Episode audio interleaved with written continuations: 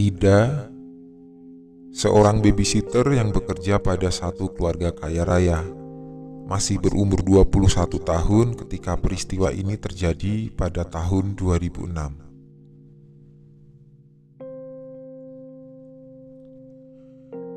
Rida kaget ketika baru saja membuka mata tiba-tiba melihat ibu itu sudah duduk di pinggiran tempat tidur Nina, cucunya duduk sambil menatap Rida yang tentu saja masih terbaring di atas tempat tidurnya sendiri.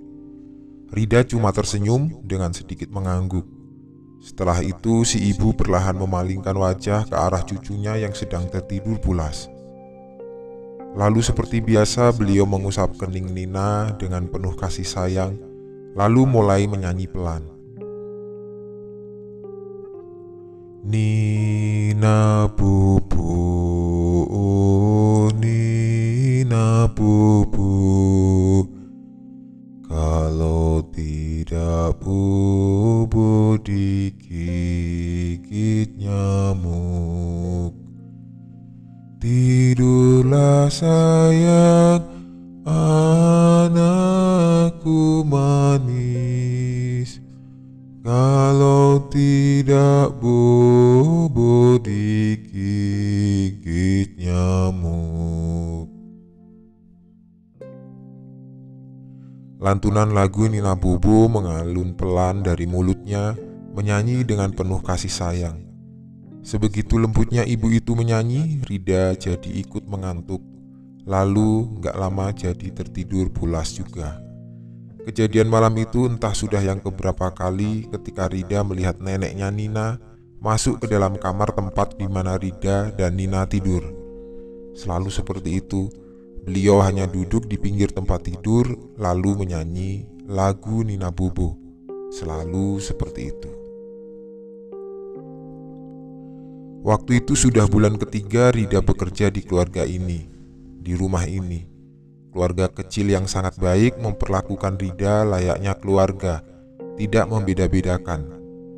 Pak Rifan dan istrinya, Ibu Novi, begitu Rida memanggil kedua majikannya, Pasangan muda itu memiliki satu anak perempuan yang berumur hampir dua tahun, Karenina namanya, dengan nama panggilan Nina. Karena Ninalah, Rida akhirnya bekerja di keluarga ini. Dia diberi kepercayaan untuk mengasuh Nina di kala ibunya sedang sibuk dengan kegiatannya. Sehari-harinya Rida menempati kamar besar di lantai dua bersama dengan Nina. Jadi di kamar itu ada dua tempat tidur, satu untuk Rida, satu lagi untuk Nina. Kamar yang sangat nyaman. Tinggal di satu rumah besar bertingkat tidak menjadikan Rida capek dan jenuh. Karena selain dia ada asisten rumah tangga juga yang bekerja di keluarga ini. Namanya Imas. Jadinya tidak terlalu sepi. Imas sudah lebih dulu beberapa bulan tinggal dan bekerja di sini. Jadi yang tinggal di rumah besar ini hanya berlima yaitu Pak Revan dan istri, Nina, Rida, dan Imas. Tapi kadang ibunda dari Pak Revan juga datang mengunjungi cucunya. Biasanya nenek Nina ini tidur di kamar bawah depan ruang makan. Rida beberapa kali melihatnya begitu. Walaupun baru tiga bulan kerja di rumah ini, tetapi kurang lebih Rida sudah hafal dengan kegiatan masing-masing penghuninya. Contohnya kapan Pak Rifan mulai bersiap berangkat bekerja, kapan waktunya Bu Novi bersantai meminum teh di teras depan, atau kapan biasanya ibunda Pak Rifan datang ke rumah lalu masuk ke kamarnya. Hampir semuanya Rida hafal, jadinya sudah bisa mengikuti semua alur hidup di rumah ini.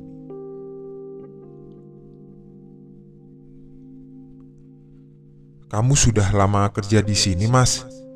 Rida membuka percakapan ketika pada suatu sore dia sedang istirahat santai di halaman belakang rumah bersama Imas. Bulan ini sudah tujuh bulan, jawab Imas. Gimana? Kamu betah nggak? Betah saja kok, bapak sama ibu kan baik banget orangnya. Iya sih, baik banget, aku setuju. Oh iya, Sebelum aku ada babysitter juga nggak sih sebelumnya? Imas menjawab, ada, sudah dua kali, tapi dua-duanya sebentar. Yang satu cuma dua minggu, yang terakhir hampir sebulan.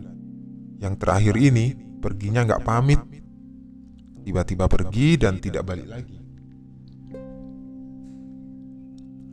Oh gitu. Kira-kira kenapa tuh ya? Kamu tahu alasannya, Mas? Nggak tahu juga. Um, ya gitu deh.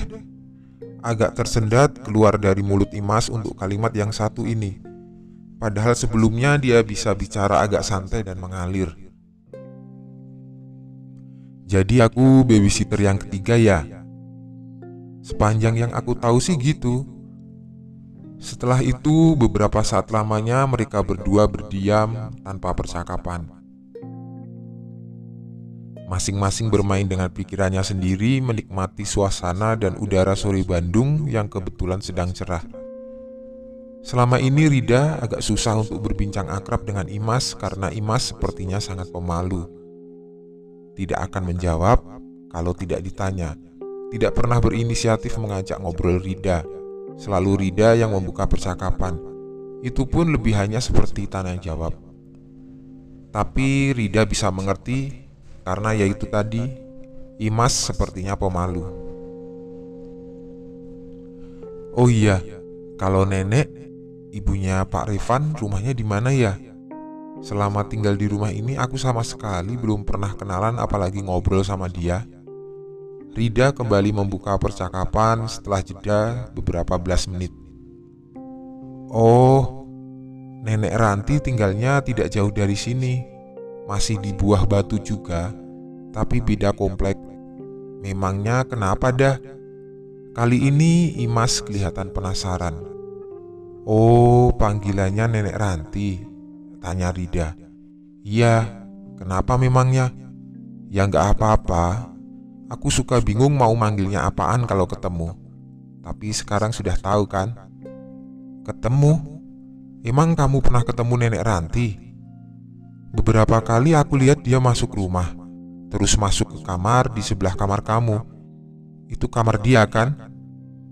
Iya Rida, itu kamarnya. Terus kamu sempat ngobrol sama dia? Gak pernah Tapi beberapa kali dia masuk ke kamarku malam-malam Kayaknya lagi kangen sama cucunya Terus duduk di pinggir ranjang menyanyi Nina Bobo sambil memperhatikan Nina Eh, uh, aku cuci piring dulu bentar ah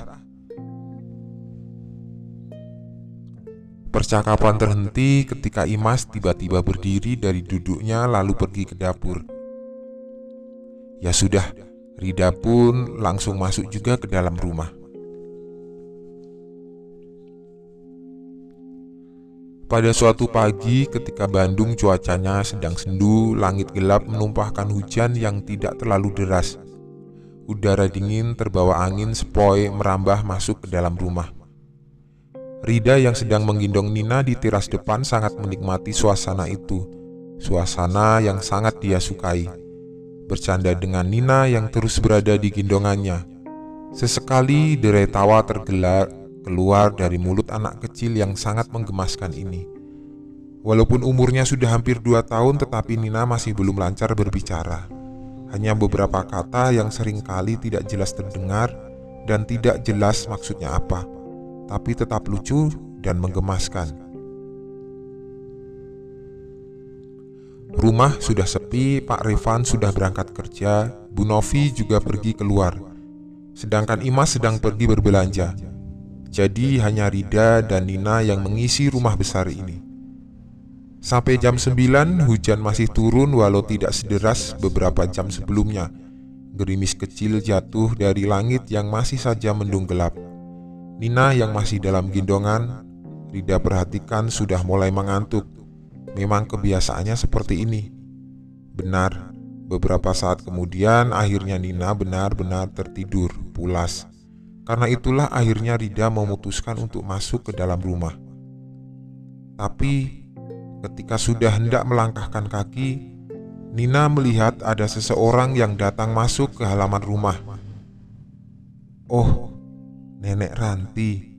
Begitu Rida bilang dalam hati. Walau belum sering bertemu dan malah sama sekali belum pernah berbincang, tapi Rida sudah hafal perapak perawaan dari ibunda Pak Rifan ini. Tubuhnya tidak terlalu kurus, rambut panjang nyaris semuanya sudah memutih, terikat sanggul, berpakaian terusan warna gelap. Beliau melangkah menyusuri halaman rumah, diguyur gerimis yang masih saja turun.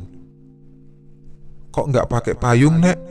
Rida menyapa sambil tersenyum ketika jarak mereka sudah tidak terlalu jauh. Tapi nenek Ranti hanya tersenyum sambil terus melangkah mendekat.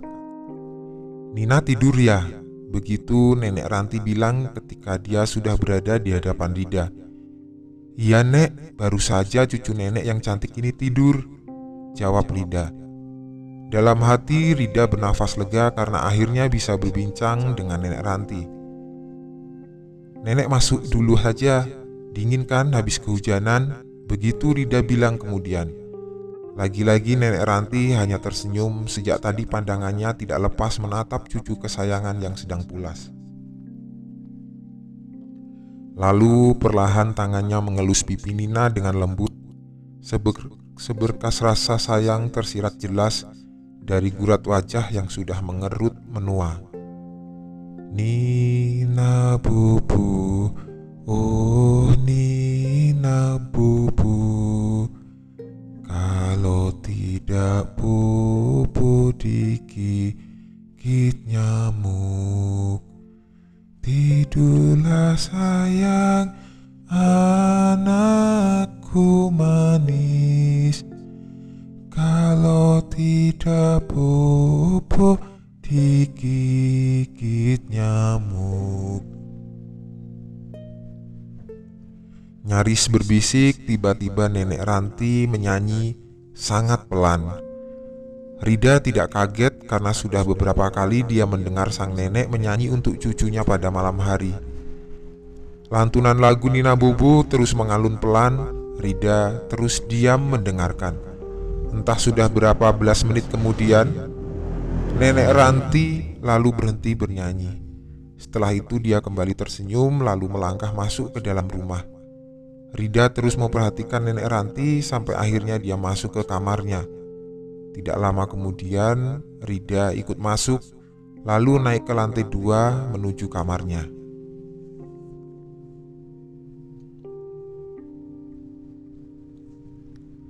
Pada suatu siang, ketika Rida sedang membereskan mainan Nina di ruang tengah, dia dipanggil oleh Bu Novi.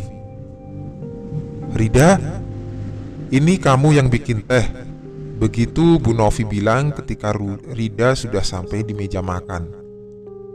Iya bu, jawab Rida. Buat siapa? Saya kan sudah ngeteh tadi pagi. Bapak juga pulang malam. Buat kamu ya? Bukan bu, Teh itu buat nenek Ranti. Saya lihat dia beberapa kali ngeteh di meja ini kan. Ya sudah, saya buatkan sekalian. Memang kamu lihat nenek Ranti datang ke rumah ini? Bu Novi bertanya lagi. Lihatlah bu, itu dia sedang ada di kamarnya kan? Tadi pagi dia datangnya. Pas ibu sedang keluar sama Imas. Jawab Rida panjang. Oh gitu. Ya sudah, setelah itu, Bu Novi pergi masuk ke kamarnya Rida. Kembali lagi dia melaksanakan tugas hariannya. Memasuki bulan ke-6, Rida mulai merasa ada yang aneh dengan rumah ini, dengan keluarga ini, termasuk juga dengan Imas. Rida merasa ada yang mereka sembunyikan. Awalnya coba mengabaikan, tapi tidak bisa. Ini malah membuat Rida makin penasaran. Dan rasa penasaran Rida semakin tajam, pertanyaan semakin mengerucut pada satu topik bahasan.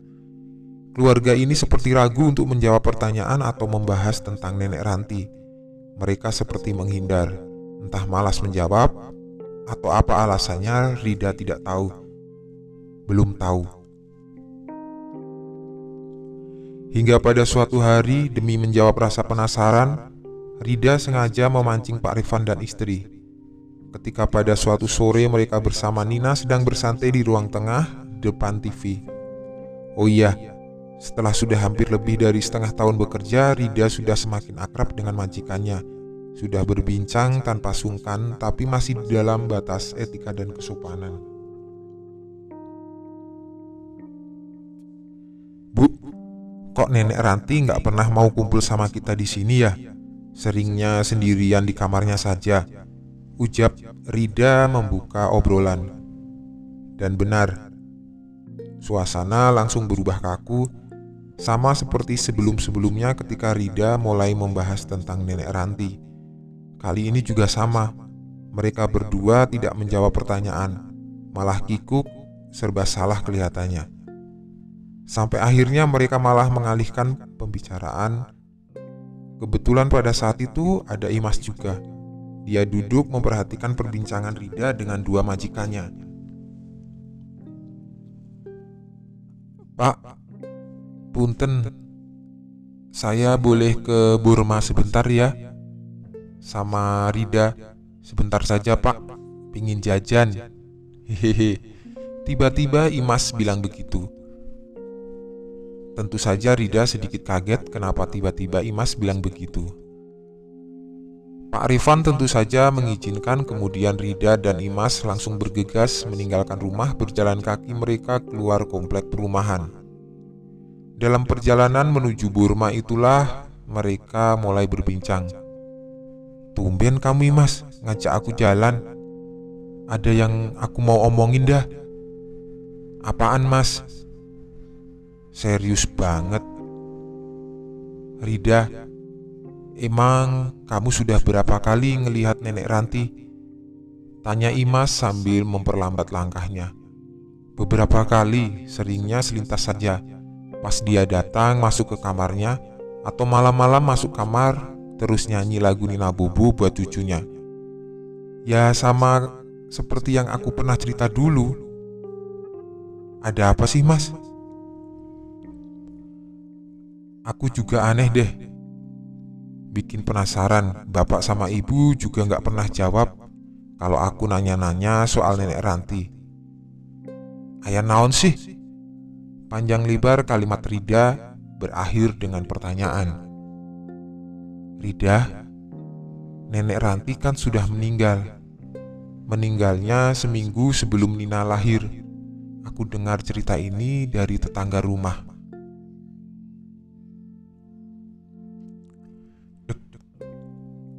Jantung Rida seperti berhenti mendengar ucapan Imas. Mereka berhenti melangkah di jalan komplek yang tergolong sepi ini akhirnya semua pertanyaan Rida terjawab. Nina ini cucu pertamanya. Beliau sudah menunggu lama kelahiran Nina. Tapi Tuhan berkehendak lain. Nenek Ranti meninggal karena sakit satu minggu sebelum Nina lahir. Lanjut Imas. Rida belum bisa berkata-kata, lidahnya mendadak keluh, tubuhnya seketika kaku. Makanya, Ibu sama bapak bingung setiap kali ada pertanyaan dari kamu tentang nenek Ranti. Ini juga alasannya kenapa dua babysitter sebelum kamu tidak ada yang kuat. Mereka ketakutan, sering melihat almarhumah nenek Ranti masuk ke dalam kamarnya. Tutup Imas. Tapi mas, aku melihat nenek Ranti, aku ngobrol, aku dengar dan lihat dia nyanyi. Akhirnya Rida bicara juga sambil gemetaran. Iya Rida, aku tahu. Tapi ya itu tadi, nenek Ranti sudah meninggal dua tahun yang lalu.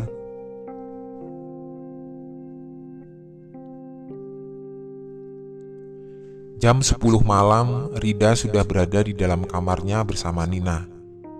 Nina terlelap tidur pulas di atas ranjangnya sementara Rida masih melamun di tempat tidurnya, belum merasakan kantuk resah dan gelisah mengingat perbincangan dia dengan Imas yang tadi. Perbincangan yang membahas nenek Ranti. Sosok nenek yang beberapa kali Rida lihat penampakannya di dalam rumah, di dalam kamar, berhadapan, sedikit berbincang. Tapi ternyata beliau sudah meninggal. Menyadari akan hal ini, Rida mulai meragukan diri sendiri. Apakah dia akan kuat bertahan dalam ketakutan tinggal di sini, di rumah ini. Tidak menutup kemungkinan sosok nenek Ranti akan muncul lagi. Gelisah, tapi mungkin karena lelah setelah seharian bekerja, menjelang jam 11 malam Rida mulai mengantuk, lalu akhirnya pulas tertidur.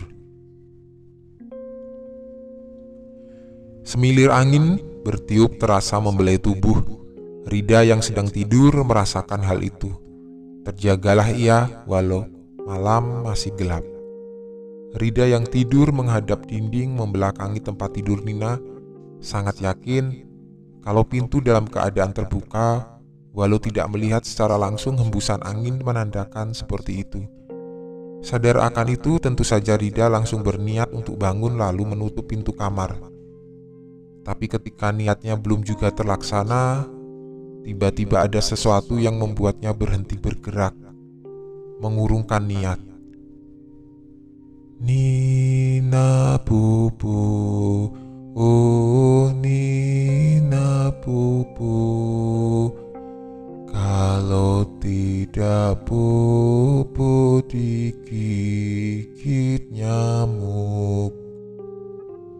Tidurlah sayang, Anakku manis Kalau tidak bobo digigit nyamuk.